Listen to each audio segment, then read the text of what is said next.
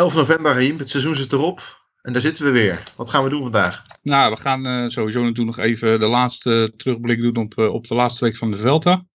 Ja, dat voelt alweer uh, lang geleden inmiddels. Ja, wel, wel mooi trouwens. Genoeg over Wow. te zeggen. Zeker. Nou ja, we gaan natuurlijk sowieso terugkijken op het hele jaar van Jumbo-Visma. We gaan het hebben over Dylan Groenewegen. Gewoon wat de ploeg uh, sowieso uh, dit jaar heeft meegemaakt. Uh, wat ik, waar ik het nu eigenlijk... Wat ik, mij... ik, ik, ik, zie, ik zie alweer, er zit, er zit jou iets dwars. Wat we, wat we, waar nee, nee, dat, dat, dat komt... Nee, er is maar genoeg dwars, maar dat komt... Oh, oh. nou, ik wou even hebben over het, over het gevoel wat ik had tijdens de ene laatste etappe van de Velta. Okay. Die, laatste, die laatste kilometers van, uh, van Roglic oh, achter ja. Carapaz. Ja, ja, de spanning die ik toen voelde. Ik zat er te denken van, welke, waar had ik nou meer spanning? Had ik nou meer spanning bij de finale van de Ronde van Vlaanderen? Of had ik nou meer spanning op, die, op, op dat moment? En nou, ik denk uiteindelijk toch dat dat moment nog voor mij nog spannender was als die sprint van, uh, van Wout tegen, tegen Mathieu. Hoeveel jaar ouder ben je geworden zaterdag? Ja, 30, echt. het, uh, ik heb, uh, ik heb een, uh, een appje gestuurd en een, ook een Twitterbericht richting, richting Richard en Marijn dat ze mij dit niet meer moeten aandoen. In de Tour was je er ook al, waren er ook al 25 bij gekomen. Ja, dus dat is echt bizar. Dit aan inmiddels. Nou, zullen we gaan beginnen? We gaan beginnen.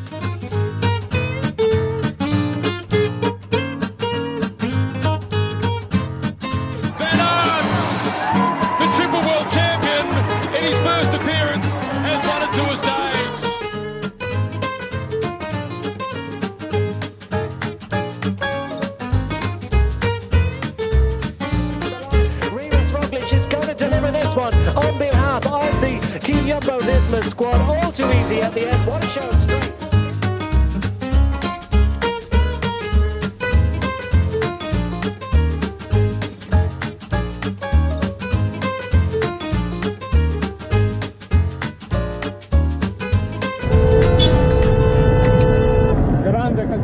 Grande casino, hè? Dit Giro.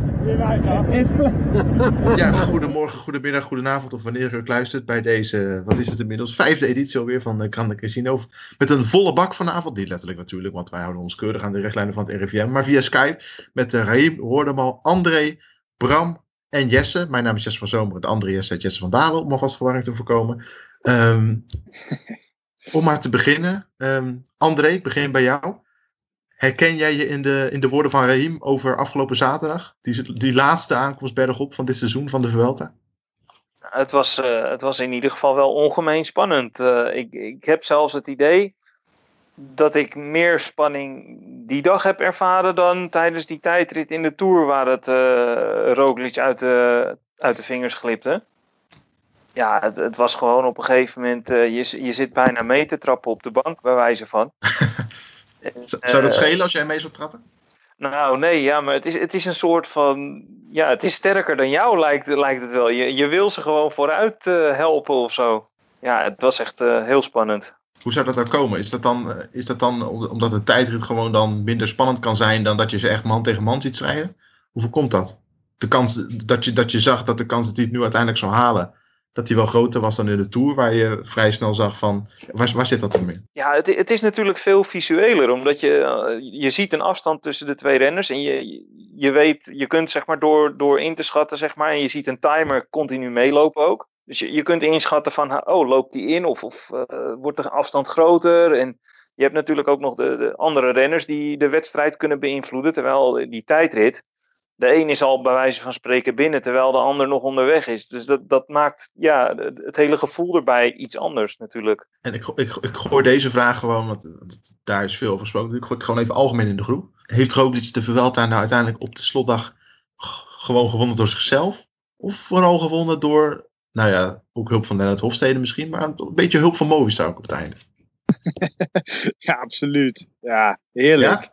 Dat waren maar even gewoon oude veters die daar. Uh, was, die dat daar even, was dat even Carapas? Als jij bij ons weggaat, dan wil jij ook niet te verwelten? Ja, ja, maar ik, ik weet niet of jullie allemaal de, de docu hebben gezien over uh, Movistar van Svel. Maar ja, daar, daar, zie ik gewoon, daar zag je al, dat zit niet lekker daar. En um, ik, ik ben sowieso de hele ploegentactiek van Movistar. Afgelopen zaterdag, dat, dat was weer ja, was een kolfje naar de hand van de, ja, van de, van de lach eh, de lach was. Maar Toch gek, want normaal gesproken blinkt die altijd uit qua ploegentactiek. Maar... Ja, ja, zeker, zeker. Nee, ik, ik denk dat ze ook nog even een uitroepteken achter hun seizoen wilden eh, zetten. Van, we hebben, zijn nog niet verleerd. Maar nee, het, het was natuurlijk heel raar. En ehm eh, Soler die terugwaait. En op een gegeven moment kijken ze om en zien ze Roglic daar zitten. En denk, en ik, en ze- ik had het gevoel dat ze me een knikje ge- eh, gaven. Even zo van, eh, kom jij maar achterop. En eh, we zorgen ervoor dat we die gekke Ecuadoriaan... eh, ja, even, even terugpakken. Nee, dat waren even oude rekeningen die daar vereffend werden. Die waren heel welkom volgens mij. Ja, dit is natuurlijk ook wel het mooie van wielrennen natuurlijk, hè? Dat dit soort dingen mogelijk zijn. Oude Ja, rekeningetjes.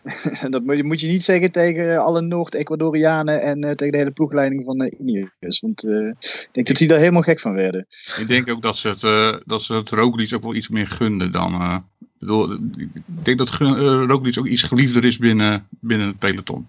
Dan een Ja. Zou die vijanden hebben überhaupt? Roglic? Zat. Er, er zullen best renners zijn die, die wat problemen met, hem- die, ja, problemen met hem hebben. Die, die, die, die denk ik iets minder wat, eh, wat willen gunnen. Maar het is, het is wel een hele gewaardeerde renner volgens mij. Het is ook echt wel een hele sympathieke gozer, denk ik, ook in het peloton. Dus hij, hij, weet, hij weet denk ik volgens mij wel heel slim hoe hij daarmee om moet gaan. Ja. Ja, ik, ik denk ook dat hij. Eh, nee, ik- hij heeft ook nooit echt. eh, hij maakt nooit gekke acties of zo. Eh het enige wat hij vaak doet is. Ja, hij, hij wacht heel vaak tot het laatste moment. Ja, daar zouden misschien de, de, de, de puristen, misschien zoals André, eh, een beetje, een beetje zuur over kunnen zijn. Van ja, hij, hij doet nooit een trap te veel, maar dat, daar maak je natuurlijk geen vijanden mee. De puristen als André, oké. Ik, moet je, ik, ik moet je heel eerlijk zeggen, kijk, eh, het is wel eh, van zeg maar met name de, de Tour en dan eh, de Vuelta ook wel, hoewel iets minder. Maar we hebben hem natuurlijk ook wel gezien in de tijd dat hij nog eh, in de grote rondes minder voor eh, de eindwinst ging, zeg maar. Dat hij ook wel gewoon op eh, anderhalve berg voor de aankomst al ging demareren. Hè. Hij heeft ook echt wel gekke dingen gedaan al. En ja, op een gegeven moment, als, als de einddoel in zo'n grote ronde je doel is, dan moet je inderdaad ook wat voorzichtiger omgaan met je krachten. En dat doet hij gewoon heel slim. Maar wat, wat je vooral ziet met, met Roglic is dat hij geen grote mond heeft, om het zo maar te zeggen. Ik bedoel, een, een Nibali kan met zijn uitspraken mensen krenken en, eh, en behoorlijk wat eh, tegen zich in het harnas jagen. En dat soort uitspraken hoor je Primos natuurlijk gewoon niet doen. Hebben we afgelopen Vuelta weer een beetje de Roglic gezien eh, zoals die was voordat hij eh, voor echt de overwinning in een grote ronde ging koersen. Dus veel aanvallender. Ik, ik denk bijvoorbeeld aan dat duel met Carapaz. Op die slotklim in de achtste, negende etappe uit mijn hoofd. Daar omtrent ergens. Nou, hij, was dit seizoen wel een stuk. eh nou, dit seizoen. Hij was in de Tour was hij natuurlijk vooral aan het volgen. En toen, Ja, ja, daar was hij gewoon wat minder aan, het- aan het aanvallen. En nu bijvoorbeeld al meteen die eerste etappe ging meteen aanvallen. En die- bijvoorbeeld al die allereerste e- etappe. Hij, ja, hij pakte me- meteen tijd waar hij tijd kon pakken. En dat deed hij in de Tour dan niet. heeft hij eigenlijk, heeft hij eigenlijk in de Vuelta, eh, Jesse noemt het terecht de eerste etappe. En was die eerste etappe misschien wel het toonbeeld eh, van, van waarop eh Roglic deze Vuelta gewonnen heeft. Door, al is het maar een paar secondjes, en vooral die bonificatieseconden, door telkens maar eh Carapaz in, met een paar seconden af te troeven. Heeft dat uiteindelijk de doorslag gegeven? Dat. En ehm, ook wel gewoon de ploeg eromheen. Want vergeet niet die etappe in de regen. Daar had hij hem gewoon kunnen verliezen op de Angliru zonder een eh Sepp Koes. Ja. Maar ja, hij heeft eh, zeker di- dit keer inderdaad, wat, wat Jesse heel terecht zegt. De vorige keer was hij zijn eigen ploeg aan het volgen. En die hebben nu ook heel erg goed het werk gedaan. Maar dit keer heeft hij op de momenten dat het kon en dat hij het kon. Ook echt eh er zelf voor gestreden. Je zag gewoon alsof hij weer even na die tijdrit in de Tour door had van ik heb die, dat, die, eh, ja, die scherpheid ook nodig en op de, om op dat soort momenten het verschil te maken. Nee, ik, ik heb het idee dat het misschien ook wel mee te maken heeft dat ze natuurlijk gezien hadden al, al voor dat moment wat er, wat er kan gebeuren in een wedstrijd. En dat, dat ze gewoon zoiets hebben gehad, of in ieder geval Primos voor zichzelf zoiets heeft gehad van eh, ik wil gewoon zoveel mogelijk en zo snel mogelijk winnen. Want elke rit kan het bij wijze van spreken over zijn. Ja, Dus eh, daar- gewoon knallen vanaf het begin en, en pakken wat je pakken kan. En dan eh, in, in de hoop uiteraard dat de Vuelta helemaal uitgereden wordt. Maar ja, het kan ook zomaar bij de eerste rustdag over zijn. En dan kan je maar vast wat in de pocket hebben. En het had misschien bij, bij Primoz Roglic zelf ook zomaar over kunnen zijn. Want hij had toch al een behoorlijk slopende, slopende per maand achter de rug. nou, maar Ik denk dat dat eh meetelt, ja.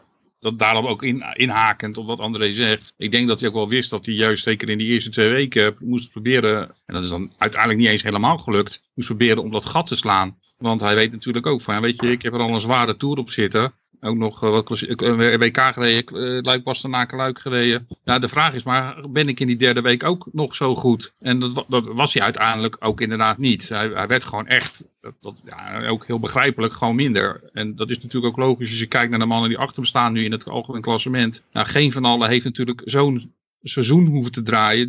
Die twee anderen hebben sowieso natuurlijk ook geen klassement gereden in de Tour. Hij heeft gewoon het meeste energie verspeeld van, heel, van, al die mannen die daar staan. En ja, dan is het ook niet zo vreemd natuurlijk dat je in de derde week, deze derde week van de Vuelta ook gewoon uiteindelijk iets minder wordt. Dus uh, ja, hij heeft gewoon inderdaad in die probeert in die eerste periode, zeker tot en met de tijdrit, geprobeerd om, om, om dat gat te maken. Ja, dat is hem uiteindelijk ook gelukt. Ja, en dan is het inderdaad maar hopen dat hij, uh, dat hij zo'n sterke ploeg heeft. En nou, die had hij, om dat gat ook te kunnen verdedigen. En, ja. uiteindelijk, uh, uiteindelijk hebben we het inderdaad over die hele spannende derde week. Vooral die hele spannende laatste zaterdag waarop hij, waarop hij hem nog bijna verliest. Maar uiteindelijk uh, pakt hij het rood, pakt hij het groen. Vier ritoverwinningen. En alle vier op een, op, een, op een andere manier. En in een afdaling en in een sprint. Eén bergop en één in de tijdrit. In hoeverre, uh, wanneer hebben jullie voor het laatst gezien dat iemand op papier althans een grote ronde zo gedomineerd heeft? Zeker niet, ook op, op deze bijzondere manier. Ik bedoel, natuurlijk heeft bijvoorbeeld in het verleden Lance Armstrong zo uh, kunnen domineren. En er zijn er ook andere renners wel geweest. Oh, die... gaan, we, gaan we nou vergelijken met Armstrong en Reem? Dat is gevaarlijk. Nou ja, weet je, ja. Ook Vroom heeft natuurlijk uh, op zijn manier de, de Tour gewonnen. Ook door gewoon echt wel te domineren. Maar zo bijzonder door al deze zo compleet zijn. En zo, zelfs dus een sprint van, van, van een uitgedund groepje te kunnen winnen. Ja, het is gewoon echt een hele complete renner. Echt een hele complete renner. En uh, ja, ik denk ook echt nog niet dat hij, dat hij ondanks al dat talent wat er nu rondrijdt. Ja, ik denk gewoon dat hij, dat hij nog in staat is om zeker nog wel een grote ronde te winnen. Uh, mag, ik, mag ik het nog heel even over de olifant in uh, de ruimte hebben? Tuurlijk. De, de, de grote roze olifant. Want ik, denk jullie, ik, ik, denk wel dat er nog een factor is die er wel aan me heeft bijgedragen tot Roglic deze Vuelta heeft gewonnen. Nou, kom op. Gewoon corona. Deze Vuelta duurde uiteindelijk maar 18 etappen. Drie minder. Je, zag dat hij echt op zijn tandvlees aan het lopen was. En natuurlijk terecht vier etappen overwinningen, allemaal klassementen. Maar dat was natuurlijk uiteindelijk allemaal voor niets geweest als hij, hij toch weer tweede was geworden. Dus ik denk ook dat dit mentaal voor Primoz Roglic, hè, gewoon even weer uh, laten zien, ik ben de beste in de grote ronde. Dit gaat zo belangrijk zijn. Dat, dat, maar ik denk wel dat we dat na alle lofprijzing ook nog even erbij moeten halen. Het was wel drie, vier, vier etappes minder. Je ja. ziet meestal wel dat die in die laatste etappe wel, nou ja, wel wat minder werd. Zeg maar, de meeste dus in de eerste twee weken is hij wel beter dan in die derde week tot nu toe. Ja, heeft, ja, Jesse, ik... heeft, heeft Jesse hier een terecht punt. Want als we even heel simpel uh, het rijtje afgaan.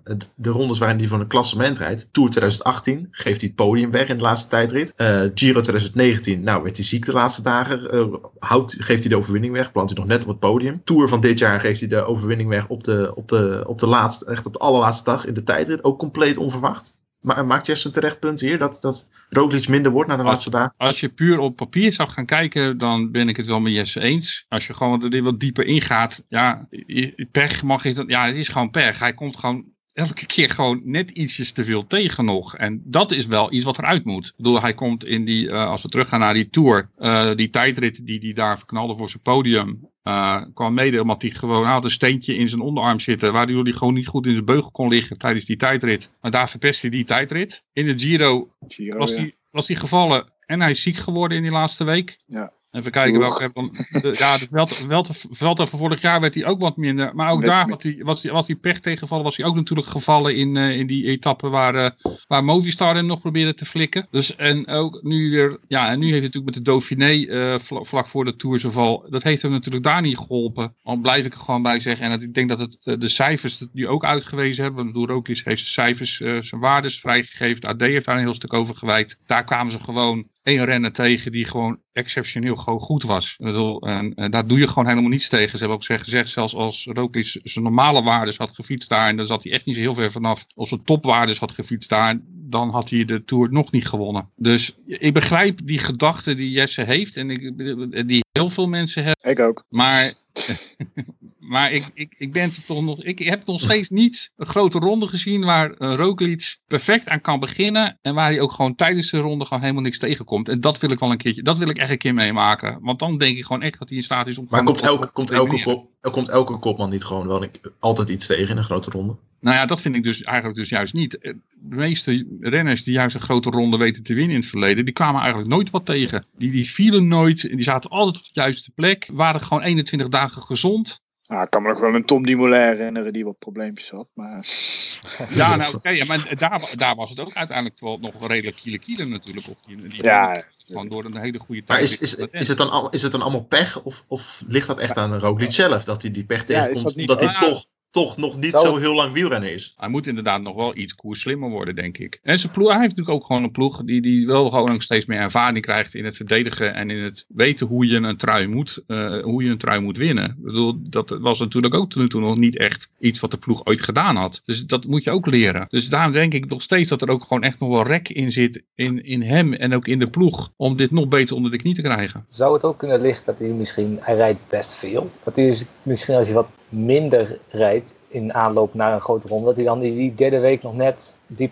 paar procentjes wel heeft. Ik, kan, ik zou me kunnen voorstellen inderdaad dat als je hem gaat eh, rij- laten rijden bijvoorbeeld eh, richting, eh, richting bijvoorbeeld volgend jaar in de Tour, dat je hem na wat langer op hoogtestage laat en hem niet laat starten in de voorbereidingskoers omdat hij dat blijkbaar gewoon ook echt niet nodig heeft. Want hij heeft eigenlijk aan het begin van de ronde meteen zo'n ongelooflijk hoog niveau. In welke koers hij ook start, ook qua voorbereidingskoerses, heeft hij meteen dat enorme hoge niveau na een hoogtestage. Dus ik zou hem denk ik gewoon wat later op hoogtestage laten gaan. En eigenlijk vanuit de hoogtestage meteen richting, richting de Tour te gaan volgend jaar. Ja, ik, de- ik denk ook dat, dat, dat ze dat dit jaar ook echt hebben gezien. Want hij heeft dit jaar 50 racedagen gehad. Waarvan hij volgens mij meer dan de helft in de leiderstrui heeft gereden trouwens. Dat is ook nog eens even ziek. Maar Nog meer, nog meer hoor, geloof ik. ja, dat is echt... Meer dan de helft, ja.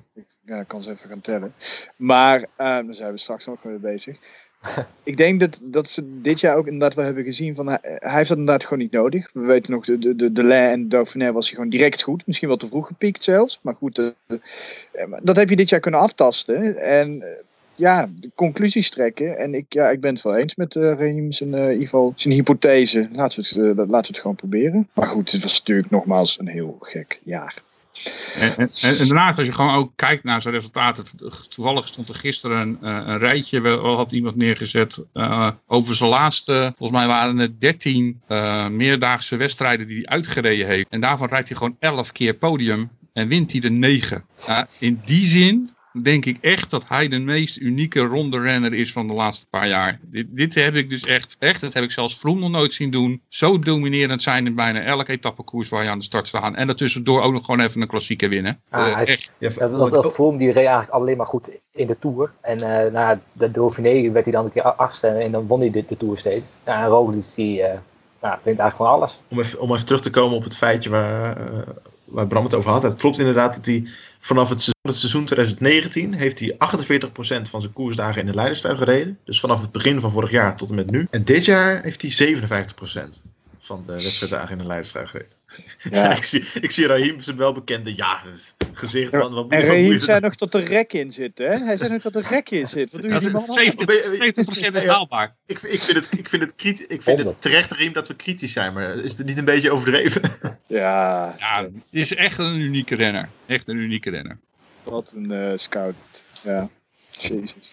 En gewoon ook gewoon door zijn karakter. Daarnaast ook nog gisteren natuurlijk. De manier waarop hij zijn interviews geeft. Ja, die, ik bedoel, we hebben het wel eens eerder gehad. Ja, het is, het is eigenlijk alweer kapot te schamen hoe, hoe hij zich geeft. Maar ja, die Vuelta tijdrit, die hij eh, won met 1 seconde, ten opzichte van Will Barta. Ah. Eh, heeft, hij daarin, heeft hij daarin afgerekend voor jullie eh, met het eh Tour tijdrit trauma? nou ja, hij reed volgens mij de snelste klim. Dus ik bedoel, eh, Ja, bij de start van de klim had hij, had hij maar een seconde of twintig op Carapaz. Het werd uiteindelijk meer dan twee keer zoveel. ja, ik denk voor zichzelf trouwens dat het echt nog wel meevalt. Ik, ik denk eh, dat hij wel iemand is die gewoon heel snel een, eh, ook een tegenslag van zich af kan zetten. En zich gewoon dan meteen kan focussen op, eh, op wat er dan voor hem ligt. Maar hij was wel heel blij Ik mee. Je hoorde dat echt even een, even, even een kreet na de finish. Ja, nee, dat, dat- natuurlijk. Ja, als je, als je zo'n tijdrit wint, dan nog een keer met een seconde en daarna ook nog gewoon uh, naast de tegenstanders nog een klein tikje kan geven. Um, ja, begrijpelijk. Maar ik denk dat niet, dat niet direct te maken had met de tegenslag in, uh, in, in de Tour. Ik denk dat het echt nog niet, en dat had van de week iemand ook opgeschreven, dat hij nog echt de tijd gehad heeft om, om, om het helemaal uh, te verwerken. Het ging allemaal zo snel allemaal voor hem, ook wat daarna weer kwam. Ik denk dat hij dat nu pas gaat krijgen, inderdaad, nu, die, nu het seizoen afgelopen is. Als we het dan even over Roglic doortrekken naar het hele seizoen, is dan zijn naam samen met die van Wout van Aert. Zijn die twee nou de rode lijn door dit seizoen van Jumbo-Visma geweest? Ja, dat... Beetje open deurvraag. Ja, hoe hard wil je me in getrapt hebben? Nee, ja, nou, dat... trap maar lekker hard. Doe maar. Ja, nou, ik zou daar misschien nog eventueel Sepp Koes bij willen zetten, omdat dat gewoon de adjudant van Roglic is geweest. Maar uh, nee, ja, op, ik denk ook commercieel gezien heel veel. Als je kijkt naar de internationale uh, wielermedia, die twee die worden constant genoemd. Een beetje zuur dat dan geen Nederlanders zijn voor uh, de Nederlandse sponsors. Maar bij alle, bij alle grote posters staan ze allemaal op. Het zijn, zijn gewoon publiekstrekkers. Ja, 100%. Absoluut. Ja, ik denk dat de ploeg natuurlijk daar heel graag aan het begin van het jaar. Of ook na, na de herstart Dylan had bij had willen zien. Ja, die, die is dan helaas door de, de omstandigheden, anders was dat denk ik de nummer drie geweest. Maar en hadden ze er echt wel drie gehad. En ja, het, het, het is zoals het is. En uh, ja, die twee hebben natuurlijk gewoon een geweldig seizoen gedraaid voor de ploeg. En uh, daar is ook wel een beetje weer de kritiek op dat het te veel, uh, te veel zou leunen op, op deze twee renners. Maar... Wat, vind je, wat vind jij van die kritiek? Ik zie je alweer schudden. Ja, ja weet je, ik begrijp het, op het met het oog op dit seizoen, begrijp ik dat best. Omdat ja, een aantal andere mannen die, daar, die dat ook zouden moeten kunnen. Uh, ja, het, het, het, net niet konden brengen. Dat denk ik bijvoorbeeld aan Mike Teunissen, die gewoon wat minder was. En die had een beetje voorop lopen nu op hetgene wat we misschien straks gaan bespreken. En de omstandigheden van Dylan. En Steven. Steven, die gewoon ook weer wat tegenkomt. Twee keer dan wat tegenkomt zelfs op een enorm ja. heftige manier. Ja, en dan, val je, dan, ja, dan kom je uiteindelijk een beetje uit bij deze twee. Ik denk dat we dat hopelijk volgend jaar gewoon niet gaan zien. Dat we eigenlijk dan eigenlijk weer ook weer een seizoen gaan zien als, zoals we het in 2019 hadden. Waar ook andere renners er gewoon echt wel uit kunnen springen. En daar hebben ze ook wel de ploeg naar, denk ik. Nou, wil ik, wil, wil ik straks, ik weet niet of dat nu al het moment is, maar dan wil ik ook wel straks een, land spreken voor George Bennett. Maar dat, um... dat is zeker nu het moment, Gijs. Ja, nou, ik, ik, ik, ik weet niet. Uh, hij heeft er een beetje pech gehad. Uh, hij had echt een super goede voorbereiding. Ging echt de beste omhoog. Won Grand Piemonte. Tweede geworden in, uh, in Primavera. Ja, Lombardije bedoel je? Ja, Lombardije, ja. Um, die, die, die, man heeft ook een hele grote stap gemaakt. Maar hij valt net op het verkeerde moment. En, maar ik denk dat hij die jongen achter de schermen heel erg belangrijk is voor de ploeg, voor de team spirit. En hij, was, hij is ook bij alle grote rondes geweest en ook bij alle grote successen. Dus daar wil ik ook nog wel even, die is, die, die is op heel veel front ook belangrijk uh, voor de ploeg. Eens, ja, heel eens. Wat denk, wat denk jij, André? Uh, gaan we volgend jaar uh, dezelfde soort uh, ja, situatie zien als we dit jaar hebben gehad? Met, met twee man of misschien drie man die het voor de ploeg moeten gaan doen? Of gaan we dan weer meer verspreid aantal overwinningen zien? Nou ja, ik denk dat je er op zich niet omheen kan als je, als je kopmannen hebt, zoals een, een Wout van Aert en, en een Primoz Roglic. Dat, dat dat wel uh, de meest in het oog springende renners zullen blijven. Ja, we, we hopen natuurlijk allemaal eigenlijk wel een beetje dat, uh, dat Tom Dumoulin daar als, als een derde pijler uh, naast komt te staan straks. In de, in de hoop dat hij straks ook gewoon weer zijn, zijn niveau van oudsher gaat halen en ook weer de nodige zegens misschien zou kunnen halen. we weten allemaal van, van Steven natuurlijk dat het een, een, een steengoed renner is, maar het is geen veelwinnaar. Dus ja, qua exposure haal je met Steven toch ook wat minder dan nou ja, straks hopelijk ook weer Tom Dumoulin. Maar ik denk dat inderdaad uh, Roglic en, en Van Aert wel de, de meest in het oog springende renners zullen blijven. Gewoon puur om het feit dat ze eigenlijk het hele jaar door gezien zijn en, en het hele jaar door winnen. Ja, maar ik, ik denk wel dat de ploeg, uh, zeker als we kijken naar volgend jaar, dat daar gewoon ook wel echt wel renners tussen zitten die ook gewoon hun overwinningen mee kunnen gaan pakken. Ik denk dat echt niet dat de ploeg helemaal hoeft te leunen op deze twee. Nee, zeker, zeker. Ik, maar ik had dat eigenlijk ook al voor dit jaar verwacht. En uh, Sepp Koes is daar dan een voorbeeld van. Die heeft gewoon een aantal keer pech gehad dat zijn kopman, waarvoor hij eigenlijk hè, in eerste instantie mee was, net op het, op het moment suprem iets minder was, waardoor hij zichzelf moest leegrijden voor zijn kopman. Want ik had wel het idee, eh, zowel tijdens de Tour als tijdens deze Vuelta, dat uh, Roglic een paar keer Sepp de vrijheid had gegeven van joh, ga maar. Ja, en, en als het dan net even niet lukt, omdat hij dan vervolgens uh, renners met zich meekrijgt, waardoor hij vervolgens weer in moet houden. Of uiteindelijk alsnog Roglic Roglic mee op sleeptouw moet nemen, ja, dan is dat heel zuur. Want eh, het, zoals je het, voorga het voorgaande jaar zag in de Vuelta, hij heeft het in zich, Sepp Koes, om, om hele mooie bergetappes neer te zetten en te winnen. En dat niveau had hij dit jaar ook zeker. Dus dat Nou, kan hij ook volgend jaar weer gaan doen, denk ik. Sepp, die, die, die, gaat, die rijdt wel constanter. Die, dat, dat was natuurlijk de grootste kritiek op hem, dat hij eh, niet, nog niet echt heel constant was, in, eh, zeker in de grote rondes niet. Maar je ziet gewoon dat die jongen met, met echt gewoon steeds sterker en steeds beter aan het worden is. En ook gewoon steeds constanter rijdt. En dat, dat kan gewoon uiteindelijk niet uitblijven dat hij ook gewoon eh, misschien klein, in kleinere rondes van een week zonder, zonder een tijdrit of in een korte tijdrit. Ik zie die jongens dan, ik zie die jongen dan wel een keer inderdaad zo, bijvoorbeeld de Parijs, Parijs Nice kunnen winnen. Of, eh, Daar zit, bij, daar of- zit altijd wel een tijdrit in, toch? Ja, oké, meestal van toch een relatief korte. Ja, was, maar- het niet de, de, was het de Dauphiné die dit jaar geen tijdrit had? Waarvan Ja, we van tevoren dachten van, geweest, weet je wel? inderdaad. Ja, zo- Ja. zo'n wedstrijd zou voor, voor hem eh, een uitgelezen kans kunnen zijn. Absoluut. Maar uiteindelijk, als we, mannen, als we de balans opmaken over afgelopen seizoen. en we kijken gewoon heel simpel naar, eh, naar wat lijstjes. We zien eh, Jumbo-Visma de beste ploeg qua punten. In het rondewerk Primos, überhaupt Primoz Roglic nummer 1. Wout van Aert nummer 2. En qua eendagswedstrijden Wout van Aert dan nummer 1. Ja, gaat er ooit überhaupt nog, ondanks die enorm lange onderbreking... en ondanks al die rare omstandigheden... en ondanks eh, de situatie met Groenewegen en met, en met Steven Kruiswijk bijvoorbeeld... gaat er ooit nog een beter seizoen komen voor Jumbo-Visma? Zijn we vorig, vroegen we ons vorig jaar natuurlijk ook af, hè?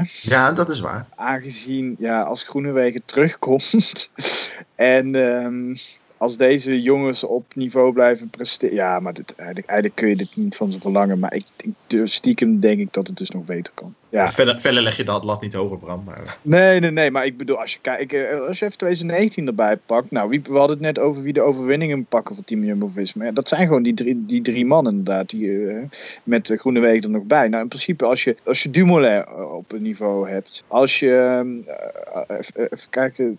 Nou, nou, inderdaad. Eh, Dylan. Ja, als je, die, als je die er nog allemaal bij krijgt, dan, dan zou het erin moeten zitten. Er ook van uitgaande dat er een hele hoop meer wedstrijden gaan zijn. Eh, dat in principe Jumbo-Visma gewoon meer profiteert van het feit dat de, de kleinere ploegen iets zwakker zijn geworden afgelopen jaar. Omdat ze gewoon minder financiën hebben. Het is een heel gevaarlijke uitspraak, maar ja, ik denk dat het kan.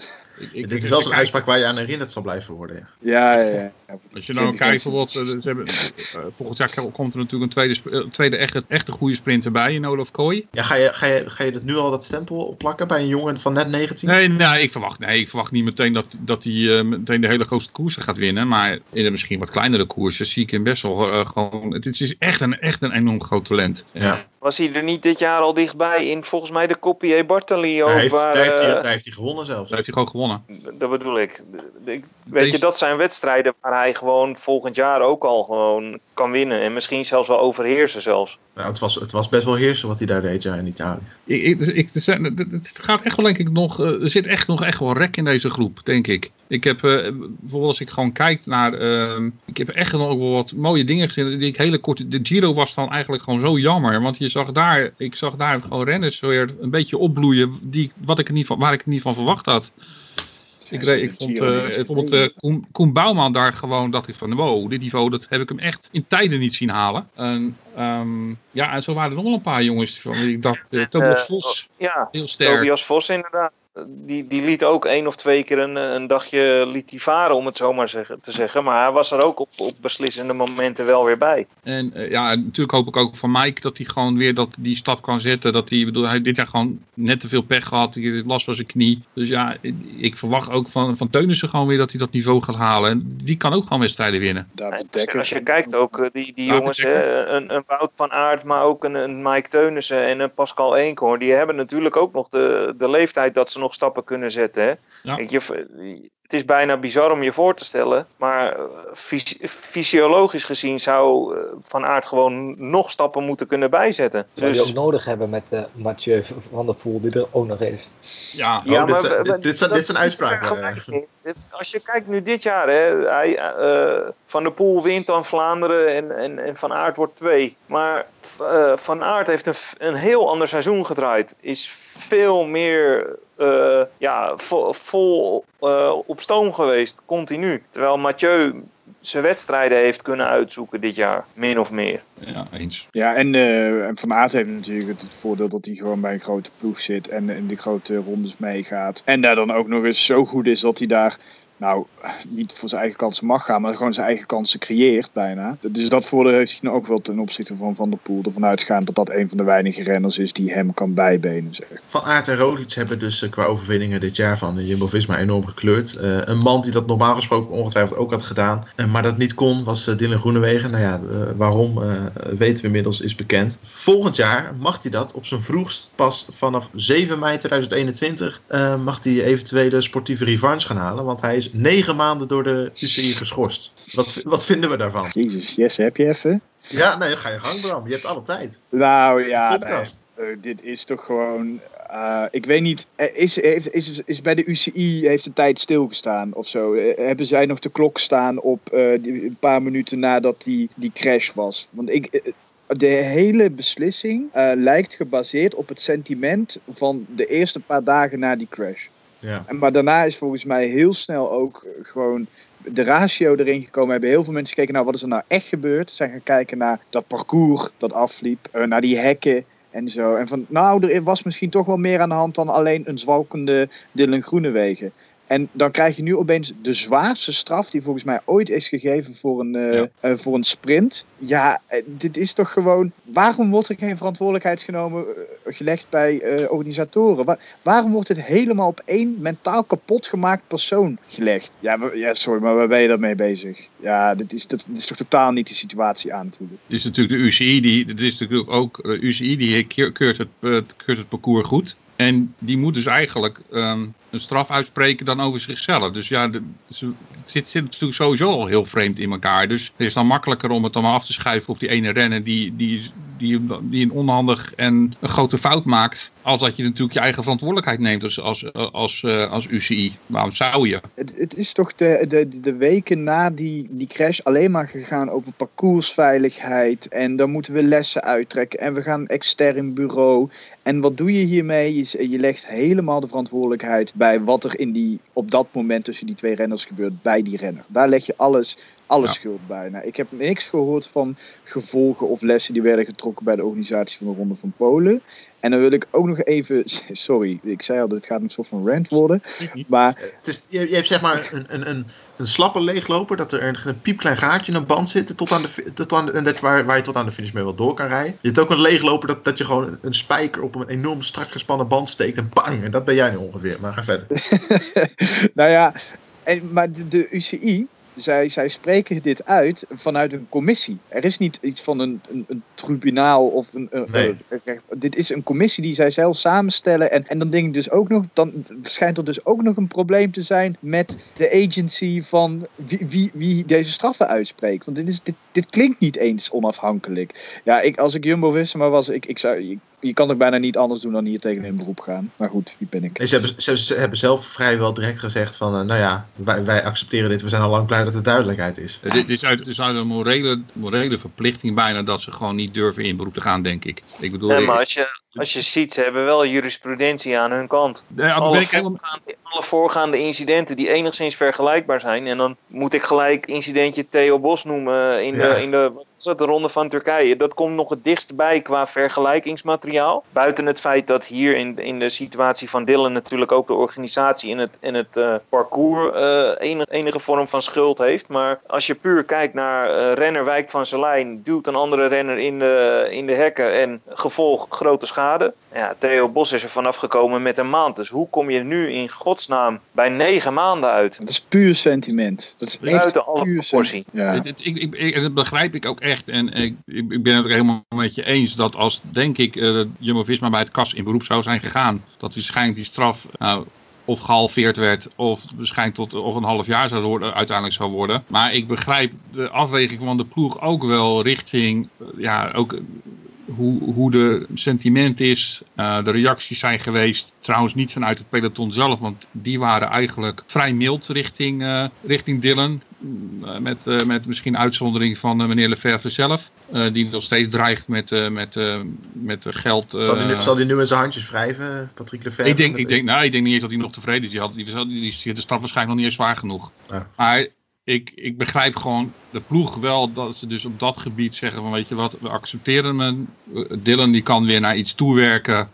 Eh, die heeft ook de tijd om het allemaal te verwerken dan. Eh, ze hopen dan natuurlijk tegen die tijd ook dat, dat, er- dat er veel meer duidelijkheid is over, eh over Jacobsen zelf. En dat hij hopelijk misschien zelfs dan ook wel weer aan het rijden is. Dat zou het denk ik ook nog een stukje makkelijker maken voor ze. Ik denk dat al die afwegingen meetellend hebben geleid tot het besluit wat ze nu genomen hebben. Door te zeggen van nou we accepteren die straf maar. Eh, misschien had Dylan zelf daar ook nog wat over gezegd. Misschien heeft Dylan zelf ook wel gezegd van nou weet je, ik Dat accepteer hem. Op Instagram heeft hij eh, meteen een, in een verklaring wel aangegeven. Hè, van eh, Ja. ik accepteer het en eh, Dus we gaan er alles aan doen om volgend Ja, jaar dus- sterk terug te komen. Maar Dus ik weet misschien niet... dat zelf ook gezegd heeft van we gaan, ik wil niet dat jullie in beroep gaan. Ja. Ja. Dat kan ik me wel heel goed voorstellen inderdaad. Dat het wel echt Dylan is geweest van nou joh, laat het en dan is het goed. Maar ik ben het nog niet helemaal eens met je Rahim. Want ik denk ook wel, als je echt een verandering wil, eh, dan vind ik...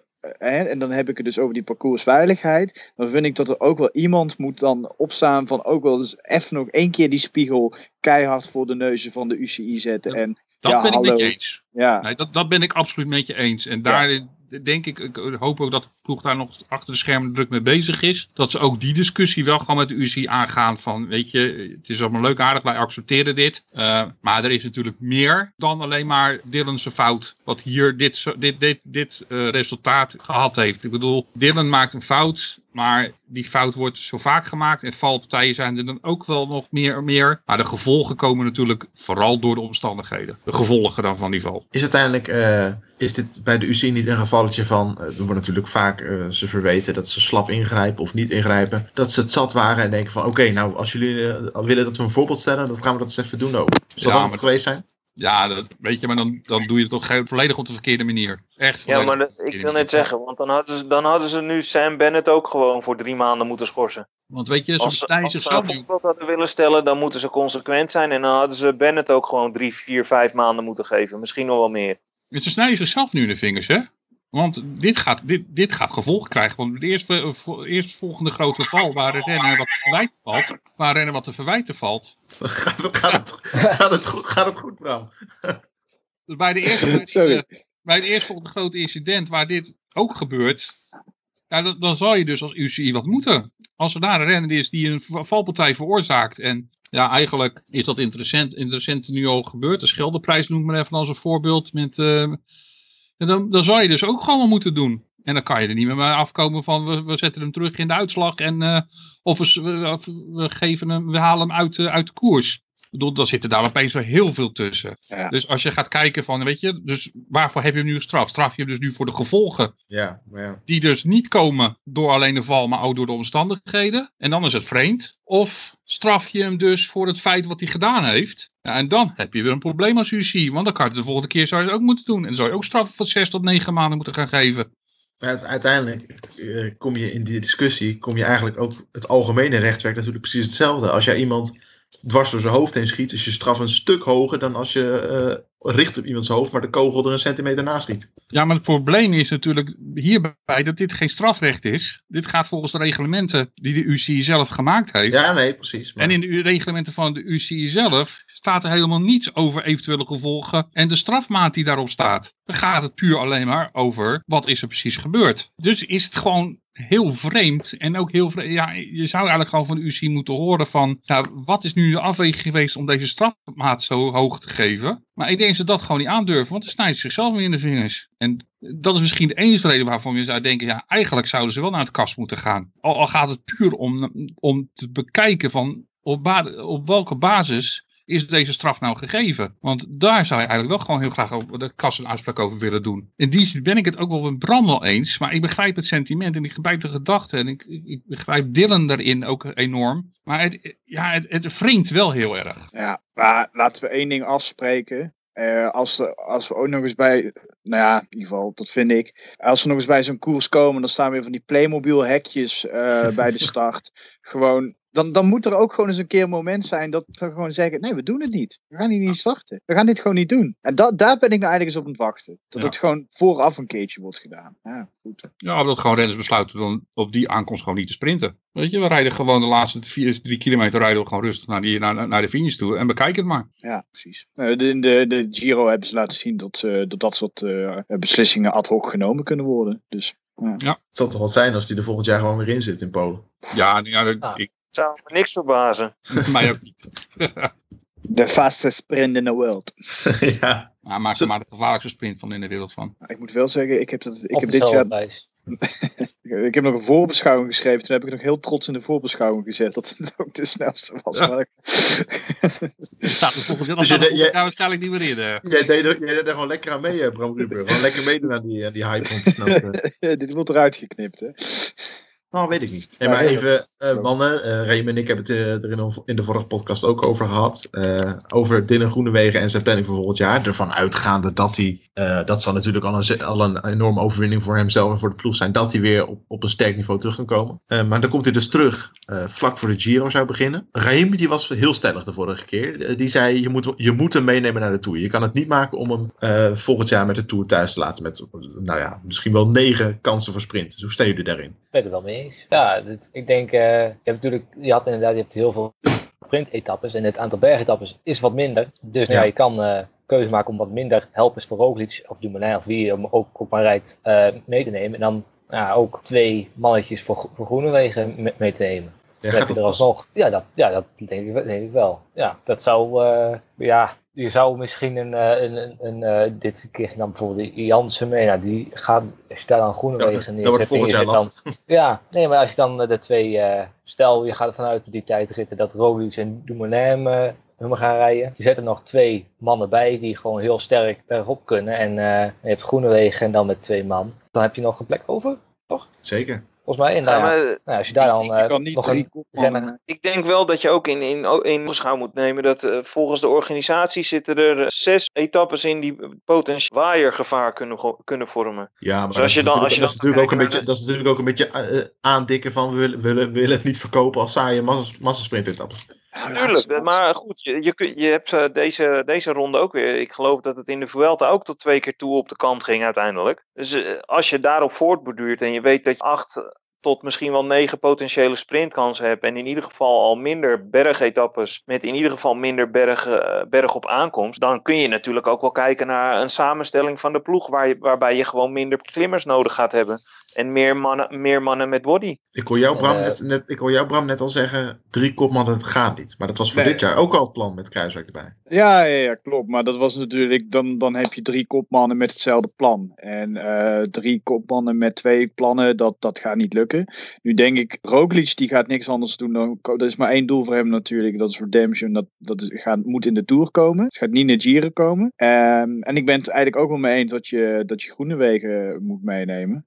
Eh, wil je hem... eh, Je spreekt tevreden jezelf nu tegen, hè? Nee, nee, nee, maar dan laat je dus Dumoulin thuis. Oh, jij, wil, jij zegt Dumoulin thuis laten. Ja, Dumoulin zou de ik eh, naar de Giro doen. Dumoulin. ja, wat Jesse zegt, is dit niet een ideaal tourparcours voor Dumoulin? Zeker met wat we de afgelopen jaren hebben gezien. En voor Roglic. Ja, maar dat Maar zou is ik een bijna zeggen. Nederlands ploeg. Ja, weet je, publicitair heeft Jesse helemaal gelijk. Weet je, als je straks naar de Tour gaat toewerken met, eh, met de grote Tom Dumoulin als, als je uithangbord of een van je twee uithangborden. Ja, dat, dat is gewoon publicitair gezien, is dat voor, voor, je, voor je Nederlandse sponsors in ieder geval heel erg belangrijk. En ik denk daarnaast ook inderdaad dat, dat dit een, een, een tourparcours is wat eh, ja, eigenlijk wel het beste parcours is wat, eh, wat, je, wat Tom Dumoulin zou kunnen treffen in de Ja. afgelopen paar jaren. En eh, ja, weet je, veel tijdritkilometers. Dat is zowel voor, voor Roglic als Dumoulin geen, geen, eh, ja, geen nadeel, om het zo maar te zeggen. En Nee.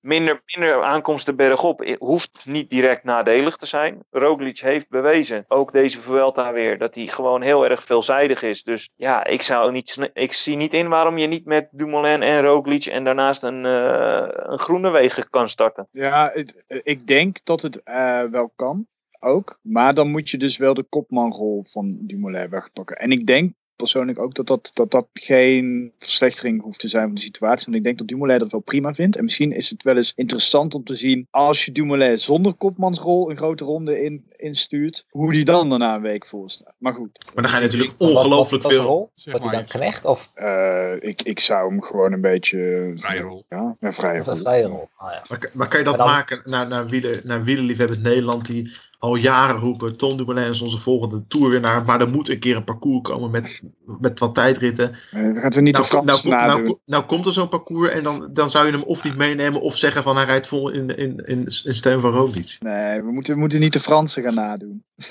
Maar Nee, ja, wil Dumoulin, wil überhaupt eigenlijk wel een, een vrije rol dan?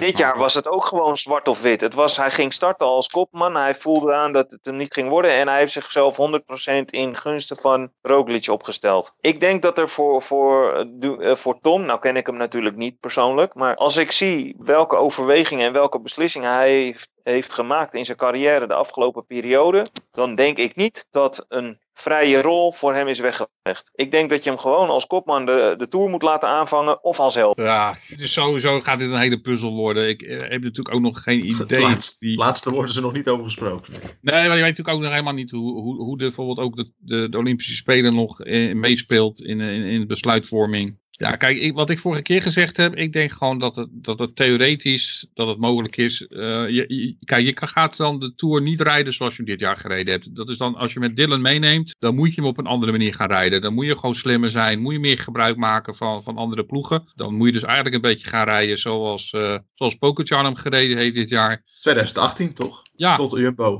Toen, Ja. Precies dezelfde situatie. Kruiswijk eh, in plaats van eh, Dumoulin. Maar voor de rest was het precies hetzelfde. Ja, inderdaad. Ja, eigenlijk wel. Dus eh, En ik dat denk inderdaad is toch ook wel dat het kan. Ja, daarom, ik ben er ook van overtuigd dat het mogelijk is. En eh, eh, natuurlijk ligt er ook helemaal aan natuurlijk, want ja, toen we deze vorige keer de podcast opnamen en daar we het over Dylan hadden, wisten we natuurlijk ook helemaal niet dat deze straf eh, tot, tot en aan mei zou duren. Jawel, dat wisten we al. Wisten we toen ook wat het eh, de negen Ja, maanden toen, was? toen, toen had Wielenflits het al wel gemeld. Oké, oké. Maar toen was het nog niet bevestigd. Maar toen, we- gingen we er ook vanuit van dat hij tot begin mei zou worden. Ja, dus daar, weet je, dat, daarmee sluit je eigenlijk bijna een start in, in, in de Giro voor hem. eh, sluit je bijna al bijna helemaal uit. Het zou theoretisch kunnen, maar eh, de, de eerste dag meteen in de Giro beginnen. Ja, ik, ik vind dat wel eh, zonder voorbereiding.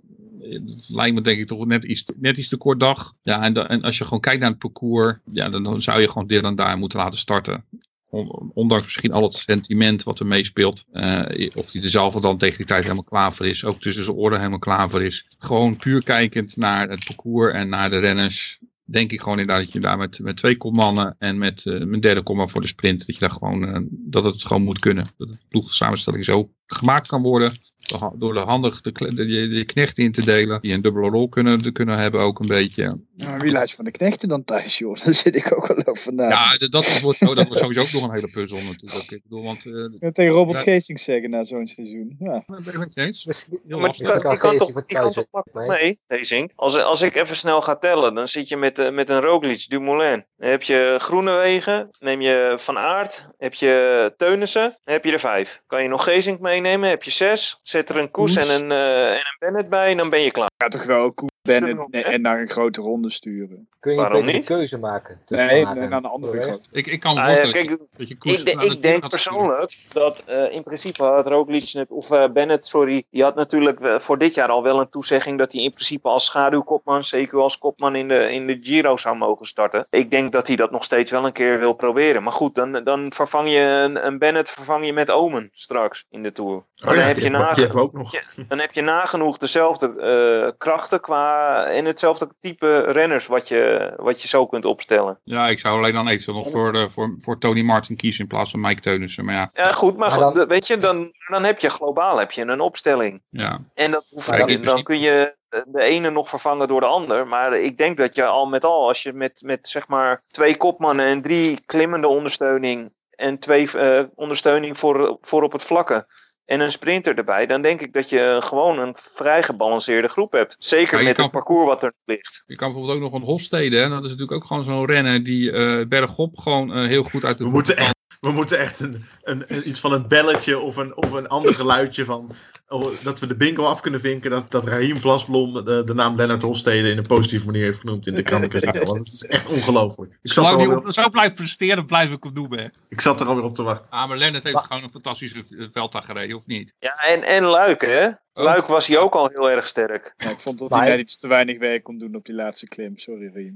Ja, maar goed, die jongen die was misschien ook, want als je zag wat, het niveau, wat zijn niveau was in Luik, denk ik dat, dat, eh, dat Hofstede misschien al iets te vroeg al in vorm was. En dat kan ook wel kloppen, omdat hij met de, met de Giro-groep mee op, eh op hoogtestage was en daarna al terug van hoogtestage kwam. En daarna zijn trainingen op laag niveau heeft gedaan, of eh, op tenminste eh, onder de 1800 meter heeft gedaan. Dus op zich is dat niet gek dat die jongen zijn effect van zijn hoogtestage al kwijt was richting eind van de Vuelta. Ah, goed punt. Zullen we gaan terugblikken op afgelopen jaar nog met een paar stellingen? Zal ik een paar stellingen erin gooien? Oh, prima. Eens. Jij klinkt verrast, Rahim, dus in het kader daarvan. Wie heeft ons het meest verrast afgelopen jaar? Ja. Ik- wat ik- zeggen? ik- Leonard Hofstede.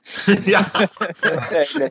Nee, nee, nee. Len- Lennart was voor mij geen verrassing meer. Lennart was voor mij- Nee, dat was geen verrassing dat hij dit kon. Maar eh, nee, George. Ik, Ja, als ik, wil, ik wil even een naam noemen die je dan, ja, waar we het gewoon niet... André, André, André heeft al een naam Oh, en? Wie was dat? Ja, nee, eh, George Bennett. Kijk, niet zozeer het niveau wat hij haalt, want dat had ik altijd wel achter hem gezien. Maar gewoon het feit dat hij een eendagswedstrijd zo oppermachtig wint in de Piemonte. Dat had ik niet achter hem gezocht. Nou, wel- ja, dat is zeker de naam die, je- die je daar mag noemen, ja. Ja, nee, mee eens. En eh, wie had jij dan, eh Rahim? Nou ja, ik wou, eh, ik wou eigenlijk eh, ik wou Vingegaard noemen. Dat die, eh, ik, ik heb Vingegaard, en daar heb ik een hele discussie over gehad. Ik, ik, ik vond Vingegaard tot nu toe, na, na zijn overwinning in Polen, vond ik een beetje blijven hangen in, het, in zijn niveau. Dat was, vond ik, ik had er iets meer nog van verwacht. En ik vond het ook meer echt wel een type renner voor, de, voor, voor, de, voor, de heuvel, voor het heuvelwerk. Maar wat hij in de Vuelta liet zien, bergop, ja, dat, ik vond dat, eh, ja, dat had ik echt niet achter hem gezocht. Het is Dat- een- daar nog heeft appje- echt mee, echt, echt mee verrast. Nee, dat, ja, dat- Ja, maar is het is dat hij zeg maar in, die in die eh, heuvelklassiekers wat tegenviel? Heeft dat niet ook te maken met, ja, eh, misschien dat hij ten opzichte van de andere Jumbo-Visma-renners net even een iets andere corona-break heeft gehad, om het zo maar te zeggen? En, en hij is ook geloof ik eh, vader geworden, recent. Ja, Dus nee, misschien, ik, misschien dat dat zeg maar zijn eerste periode na de, na de lockdown heeft beïnvloed. En dat hij eigenlijk nu pas in de Vuelta op stoom eh, was, zeg maar. het, ja, natuurlijk. Het, het geldt trouwens voor heel veel renners die natuurlijk gewoon dit jaar een toch wat niet meer echt top eh, voorbereiding hebben kunnen doen. Een aantal renners hebben gewoon eh, geen hoogtestage kunnen doen of hadden het zelf moeten voorbereiden. Ehm,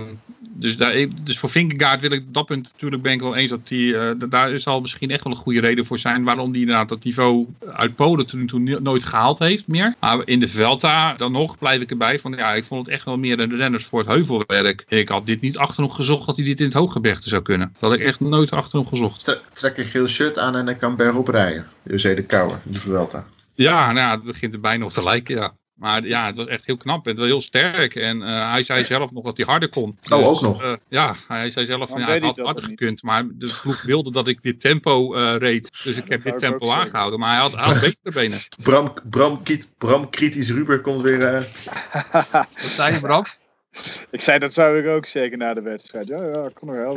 Ja. Dat mocht niet. Ja. Nee, nee, nee, maar het kwam wel net op tijd, vond ik, van van Vingegaard inderdaad. Van, even het laatste van het seizoen toch ook nog even laten zien dat eh, hij het ook zeker niet eh, heeft verleerd. wie, was ik- jouw, wie was jouw verrassing dan, Bram? Ja, ik, ik zit dus heel erg te twijfelen tussen op Seb, Koes. Ah, niet zozeer van omdat het een verrassing was, omdat we misschien wel wisten dat hij een goede klimmer was, maar wel inderdaad hoe constant hij is geworden. Dat hij, hij is, was, ik denk dat hij misschien wel de beste klimmer van het hele peloton is. Op, eh, ja, Pogacar na misschien. Ehm, maar echt pure klimmer en echt gewoon de beste mee kunnen. Ik denk tot Sepp Koes. Maar ik, ja, ik zou eigenlijk ook nog willen zeggen eh, Wout van Aert, maar dat kan je ook niet meer echt een verrassing noemen. Maar hoe goed die man kon klimmen. Dat, dat, dat, dat, eh, ja, dat, dat was ook wel echt gewoon toch de verrassing van het seizoen volgens mij. Dat, daar waren we de eerste paar eh, weken van de Tour zo ontsproken van. Dus één van die twee. Maar dat, dat, is natuurlijk, het voelt een beetje onnatuurlijk om te zeggen, omdat we ondertussen dat al geaccepteerd voelt. Dat deze mannen zo goed zijn. Maar als je kijkt naar welke stap zij hebben gemaakt van, vanaf augustus tot nu. Ja, het zijn nu twee van de beste tien renners. Als ik nog een naam mag noemen, dan wil Zeker. ik toch nog wel graag eh, Pascal Eekhoorn zeggen. Het niet, het- hij heeft natuurlijk dan wel, wel vooral net voor de eh, corona, toen ik, eh, ik mij de omloop het nieuwsblad, dat vond Ja. ik toen, toen- daar zag ik echt wel, dat ik denk, denk, nou, dat kan best wel wat, wat worden. Hij, heeft ook nog, hij is nog echt nog jong. En eh, ja, die, na de corona dan was het allemaal wel wat minder. Maar hij werd ook gewoon eh, het zesde toen in, in, in Italië nog een keer een beetje, dat is ook een beetje heuvel, eh, heuvelkoers. En ja, ik vond hem eigenlijk wel eh, verrassend goed toen. Eh, dus ik zie dat nog, nog wel zitten, dat hij er een beetje doorheen komt. En misschien als hij deze lijn voor kan zetten, dat hij volgend jaar, nou ja, nog wat langer erbij kan eh, blijven. Je, bent- je bent niet ongerust geworden van zijn mindere ja- najaar, waarin hij eigenlijk in de ronde en in de Gent-Wevelgem en zo allemaal best wel vroeg eh, af moest geven voor die. Ja, dat weet ik dan, dat hoop ik dan aan de corona, dat het dan misschien eh, qua nou ja, training, dat het dan ja, allemaal wat, wat, wat lastiger werd voor hem. Ja, Maar ja, dat, is ook zo'n renner die inderdaad ge- geen gebruik heeft kunnen maken bijvoorbeeld van een hoogtestage. Die ze bijvoorbeeld eh, vorig jaar met de klassieke ploeg wel deden. En die ze dit jaar dus hebben moeten overslaan. Daar heeft hij bijvoorbeeld, haalt, haalt hij wel denk ik heel veel profijt van. Dus eh, ik ben het wel een beetje eens dat, dat, dat gewoon dat soort type renners die dit jaar een beetje door de ondergrens zakten. Timo Roosje vond ik bijvoorbeeld ook wat door de ondergrens zakken. Dat die inderdaad eh, gewoon denk ik ook niet, gewoon niet de meest optimale en ideale voorbereiding hebben kunnen hebben op het, op het klassieke seizoen. Over ondergrens gesproken. Van wie hadden we meer verwacht? Daar heb ik er ook een. Nou, betrap jij dan maar meteen af. Anton Tolhoek. Daar had ik veel, veel meer van, van verwacht. Ik vond dat toen in de Tour de France van, van 2018, toen met Ja. Roglic en die vierde, vijfde, toen dacht ik echt, nou, dat is, hier is dan de nieuwe Nederlandse klimmer dan. En, en ja, ik vond hem nu ook in de Giro. Ik, ehm, nee, ik, hij- het, het was het eh, nog niet. Hij was wel in eh, Lombardije volgens mij, daar, daar reed hij goed in die koers die Ja, dat won. Ja, dat, dat was dan nog wel goed. Maar voor de rest heb ik hem, eh, daar viel, die viel die mij gewoon wel, wel tegen. Ik had meer verwacht dat hij wel die stappen zou, zou maken. Ja, ja, zeker ook in de Giro. Dat je wel, daar, dat heeft natuurlijk maar een paar dagen mee rondgereden. Dus misschien niet eerlijk, maar dan dacht je wel van, nou, is het net niet. Ja, en, eh, en hij kan niet zeggen dat hij niet op hoogte is geweest nee. voor die Giro. Nee, ik heb hem, eh, ik heb hem nog heel even, eh, moet ik even kijken waar dat was. Ik heb hem inderdaad gesproken. Of in ieder geval niet, niet persoonlijk gesproken, maar via, eh, dat was volgens mij via Twitter heb ik hem Ja, dat kan ik me nog herinneren. Dus jij dat hebt gezegd, ja. eh, gesproken. En ja, want hij, wou- ik had hem uitgenodigd dan namelijk ook voor, eh, om, om, om even bij de, bij de podcast uit te, uit te sluiten. En, ehm, Oeh, oeh, in dat geval Top, ja. Even rustig aan. kunnen we nog over de revelatie. Jesse, Ja. Jesse, jij bent er de volgende podcast niet bij, eh, hoor ik. Tom. Ja, hij, hij zei ook inderdaad dat hij zich niet top voelde. En eh, hij probeerde zich inderdaad te sparen voor de laatste week. Daarom liet hij, dus, liet hij ook gewoon heel veel lopen. En nou, dat mocht dus niet van komen. Dus toen ik hem ook vroeg van ja, zou je erover in de podcast over willen praten? Hij was echt, hij zegt ja, hij was echt, echt, echt, echt enorm teleurgesteld. Dus dat hij daarom de boot afhield. In de toekomst zegt hij dat hij, wel, dat hij, dat hij het wel een keertje wil komen doen. Dus eh, daar hou ik hem gewoon wel aan. Maar ik vond inderdaad ook dat eh, Antoine, ehm, ja, die, die, die heeft een beetje het probleem waar, waar, waar ik dus koers eigenlijk hiervoor eigenlijk van had. Dat, eh, er er het is gewoon niet stabiel genoeg. Hij, hij zakt gewoon af en toe gewoon net te veel door die ondergrens heen ook. Dat is, ja, daar, daar, daar zal hij denk ik ook zichzelf enorm van balen. Maar eh, ja, dat, het, het moet echt wat stabieler met hem. Want hij kan dus gewoon echt een heel hoog niveau halen. Ik heb zo'n vermoeden, André, dat als Jesse de naam Anton Tolk eh, niet had genoemd, dan, dan had jij het wel gedaan. Ja, eigenlijk wel. Ja, om- om- omdat, het, omdat het ook een van de jongens is die ik zeg maar vanaf zeg maar eh, dat hij destijds bij Rabo Continental eh, begon, eh, wel op de voet gevolgd heb, zeg maar. Dus ik, ik weet, ik denk te weten wat er ongeveer in zit. En het, het is gewoon heel zuur dat het er gewoon op een of andere manier bij die knul niet uitkomt.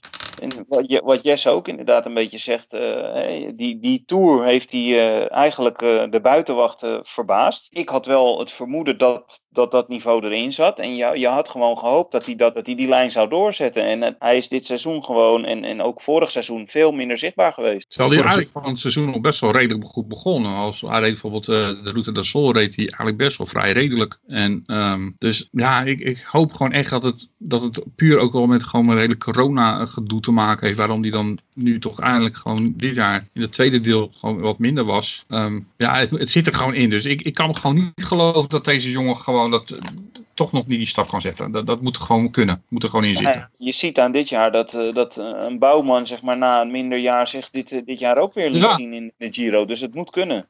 Nog meer namen. Drop ze er maar in. Of eh, gaan, we alle vier, gaan we alle vier voor Tolk? Nou ja, wat, eh, de, de, de naam die, eh, die Rahim al eerder aanhaalde, inderdaad. Lennart Timo Hofstede? Roosens vond, ik, eh, vond ik een beetje eh, tegenvallen. Als je het puur kijkt naar de klassieke kern. Eenkhoorn heeft me daarin verbaasd. Maar was het een, een, terug nog dat, dat, opeen, dat wij het idee hadden van, nou ja, die Timo Rozen die kan wel eens richting een, een top 10 renner in, de, in, de, in de zwaardere Vlaamse eta koersen, etappekoersen en, en, en de klassiekers gaan groeien.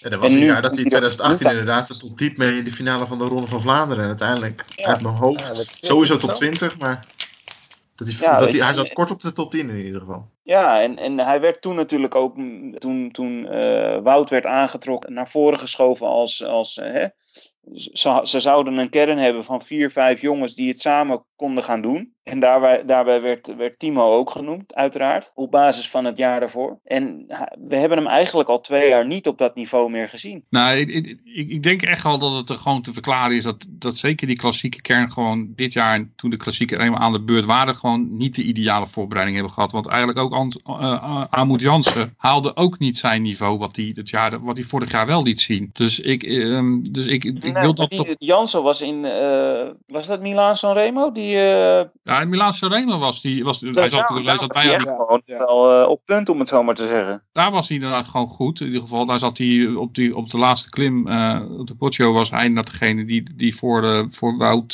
daar de, de, de, de boel aantrok. Maar over het hele seizoen gezien, zeker in, eh, eigenlijk in de wedstrijden waar hij recht moest staan, stond hij er ook niet. Ik bedoel, ehm, hij komt hij ook nog wat pech tegen, eh, volgens mij was het de Ronde van Vlaanderen. Maar ja, ik, ik vond die, die, eerlijk, eerlijk de hele ondersteuning van, eh, voor Wout, en daarmee ben ik er niet van overtuigd, wil ik ook niet zeggen dat de ondersteuning niet goed genoeg is voor volgend jaar. Want daar, daar is ook een hele discussie over op verschillende platformen. Ja, die, die jongens die zakten allemaal een beetje door, door een, die- ja, die waren gewoon allemaal gewoon een stukje minder. Als dat ze normaal wel, dat, van het, dat het niveau van wat ze normaal kunnen halen. En ik wijd dan, dan toch, omdat het gewoon ook echt de hele groep is, zo'n beetje. Nou, toch aan de niet ideale voorbereiding die ze hebben gehad richting die klassiekers. Mag ik, eh, mag ik nog even heel eh wielerminnend Nederland pijn doen? Ja, ik weet, ik, ik, weet, ik, weet wie je, gaat- ik weet wie je gaat noemen. Kom maar op. Ja, maar ik, het, is, het, is, het is heel zuur. En dat komt, maar dat komt wel even omdat over wie we het hebben. Maar ik, vind, ja, ik vond Tom Dumoulin tegenvallen. Maar dat heeft er gewoon mee te maken dat ik hem beschouw als eh, in, in principe bij de top 5 beste ronde renners van, eh, van de wereld horen. En omdat hij voor mij mentaal dit seizoen door het ijs een beetje zakte. Eh, dit- dit is hè, wat, wat George Bennett zei na, na, de, na die, die bewuste Tour-etappe. Hij is gewoon veel beter dan hij denkt. En ja, bij een goede renner, een toprenner, hoort een sterke kop. En op dat vlak heeft Tom Dumoulin mij dit jaar heel erg teleurgesteld. En dat heeft, tuurlijk heeft hij afgelopen jaar een moeilijk jaar op met die knie. En hij houdt niet van al die aandacht en al die druk. Maar ja, dat hoort er wel bij. Dus op dat, dat, dat vlak heeft hij mij teleurgesteld. Sorry Ja. Nederland. Toen viel het stil. Ja, ik, zit, ik, ik, ik verwacht nu een, eh, eh, of, of een scheldkanonade van hoe durf je Bram, of iemand die het met hem eens is. Maar Ehm, ja, ik, ik, ik, ik, begrijp eh, Brams redenering heel goed. Ik, ik kan me gewoon heel goed voorstellen dat je als renner enorm onzeker wordt. Als je na 420 dagen zonder koers eh, allerlei dingen continu tegengekomen bent. eh, dan weer last van je darmen. Dat je daarvan wat onzekerder wordt. Als dan ook nog een keer in de koers het niet eruit komt wat je bijvoorbeeld in de trainingen wel zag. Kan ik me voorstellen dat je nog een stukje onzekerder wordt. En dat het ook tussen je oren gaat zitten. Hoe sterk misschien, hoe mentaal sterk je misschien ook bent. En nou is natuurlijk eh, Tom altijd best wel een emotioneel mens. Die uitzicht ook ook op die leuk. manier. Ehm, ik bedoel, we hebben dat toen gezien in die etappe die toen de tijd door, de, door Roglic gewonnen werd in die afdaling. Nou, we, we hoorden allemaal zijn scheldkanonade Kanonade. kanonade eh, toen hij op die, op- na, de, na de finish. Ja. Eh, dus ja, dit, dit is ook wel een beetje gewoon het karakter zoals denk ik Tom in elkaar steekt. En bij hem moet denk ik gewoon echt alles kloppen. Uh, wil hij ook gewoon lekker in zijn vel zitten. En ja, dat was gewoon dit, nu denk ik gewoon niet het geval. Maar dan, dan onderbouw je toch eigenlijk wat ik zeg nu. Hè? Ja, aan de ene kant wel. Aan de ene kant wel. Ja, maar, dan, maar, maar, maar Maar- eigenlijk zeg je nu zelfs, hij heeft zichzelf teleurgesteld. Hij was in die trainingen beter dan dat hij eigenlijk in de wedstrijden was. Nou, ik denk ook dat hij zichzelf teleurgesteld, dat, dat dat ook het probleem is. Dat hij, Dus dan heb ik eigenlijk gewoon een heel goed punt. dat hij eigenlijk vooral in zichzelf teleurgesteld was.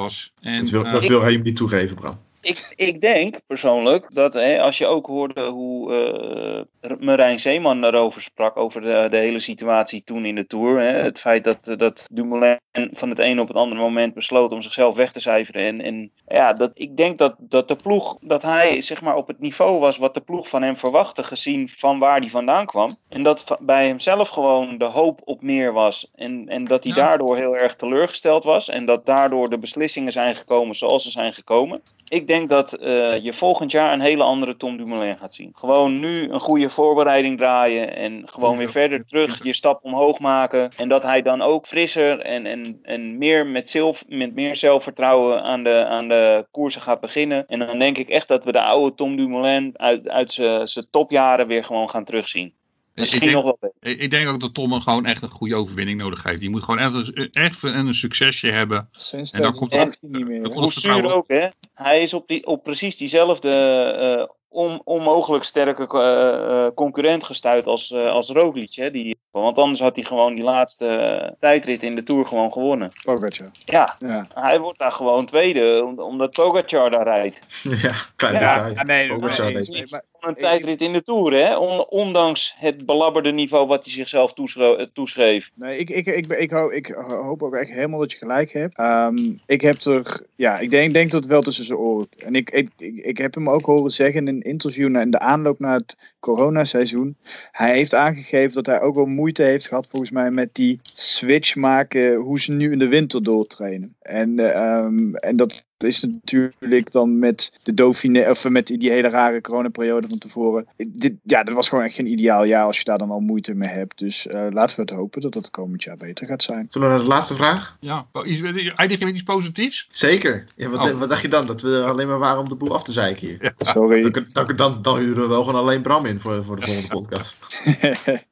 Wie was de beste renner het afgelopen jaar van Jumbo-Visma? Oeh, dat gaat... eh Ja. Dat is een hele mo- Nee, dat is Ja. nou, ja, eh, voor mij... Bram, als, Bram, als jij het zo makkelijk vindt, kom maar op. Dat is Primoz Roglic. Je kan, je kan, we hebben het net gehad over zijn, zijn ratio van presteren op topniveau tegenover het aantal wedstrijddagen. En dan als je dat, ja, daar kun je toch niet omheen dat iemand die zo constant... Hij is één dag in het jaar was er iemand beter dan hem. En dat, dat zit hem een beetje achterna. Maar anders was hij gewoon de renner geweest die twee van de drie grote rondes heeft, had gewonnen. Ehm, eh, tijdrit, eh, sprints. ehm, Monument. Monument. Ja, oké, dat is ook wel met, met een beetje geluk. Dus dat even elkaar misschien weer uit. Eh, nee, met alle respect. Ik weet dat wie, tussen welke twee mensen jullie twijfelen. Maar eh, ik denk dat Roglic op dit moment de beste re- renner in de wereld is. En eh, dat daar niet veel langs kan. Primoz Roglic, Wout van Aert. 1-0. Kom maar Nou, op. Primoz ook iets. 2-0. Met de Wout Ja. heel dicht achter. Ja, ik, ik, ik vind het, eh, het is natuurlijk eh, andere type renners. Het is, het is nagenoeg niet te vergelijken. Als je het hebt over Wout van Aert, heb je het ook gewoon over de vice wereldkampioen op de tijdrit en de wegrit. Milaan Sanremo winnaar, Strade Bianchi winnaar. Ja, en, Twee en sprints in, meerdere sprints in de Tour. bijna Vlaanderen gewonnen.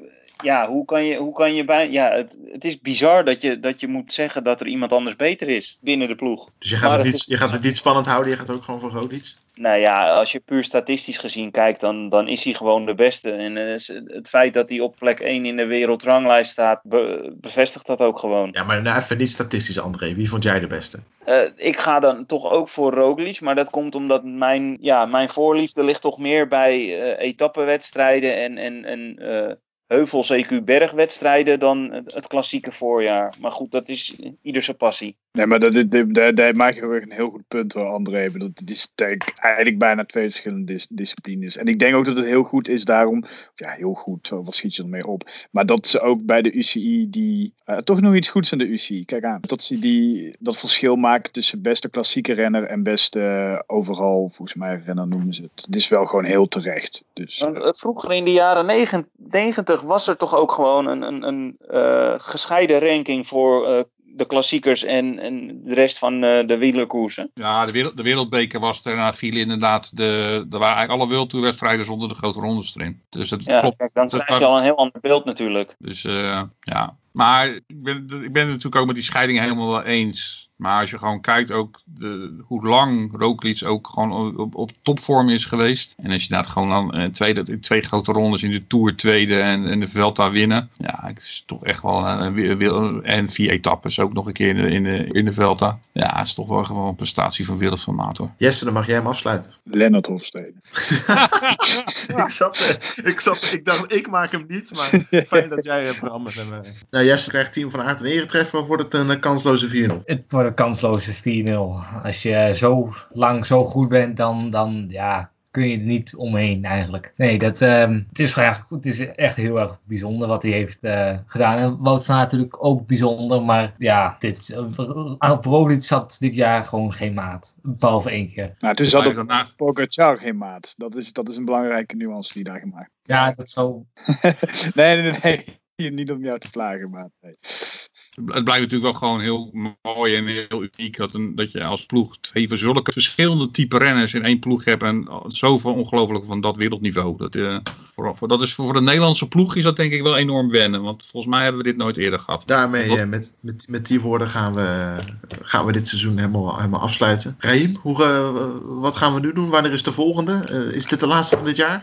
Dit jaar gaat er waarschijnlijk niet zo heel veel meer gebeuren of we moeten nog, nog, nog een podcast gaan wijden aan misschien nee, het, het veld rijden. Jij, jij, jij, moet ook een keer je rust pakken, joh. Ja, en, dat gaat, ik, dat gaat heel veel, we moeten heel veel gaan doen. We gaan heel veel met, ook met een aantal nieuwe dingen komen voor volgend jaar. Daar kom ik later nog een keer op terug. Um, ja, ik denk dat we na, na de ploegenpresentatie in januari, denk ik, dat komen een nieuwe, nieuwe podcast. Dat denk ik ook. Voor nu breiden we er een eind aan. Rahim bedankt, André bedankt, Bram bedankt, Jesse bedankt. U bedankt voor het luisteren uh, naar Grande Casino. En tot volgend seizoen.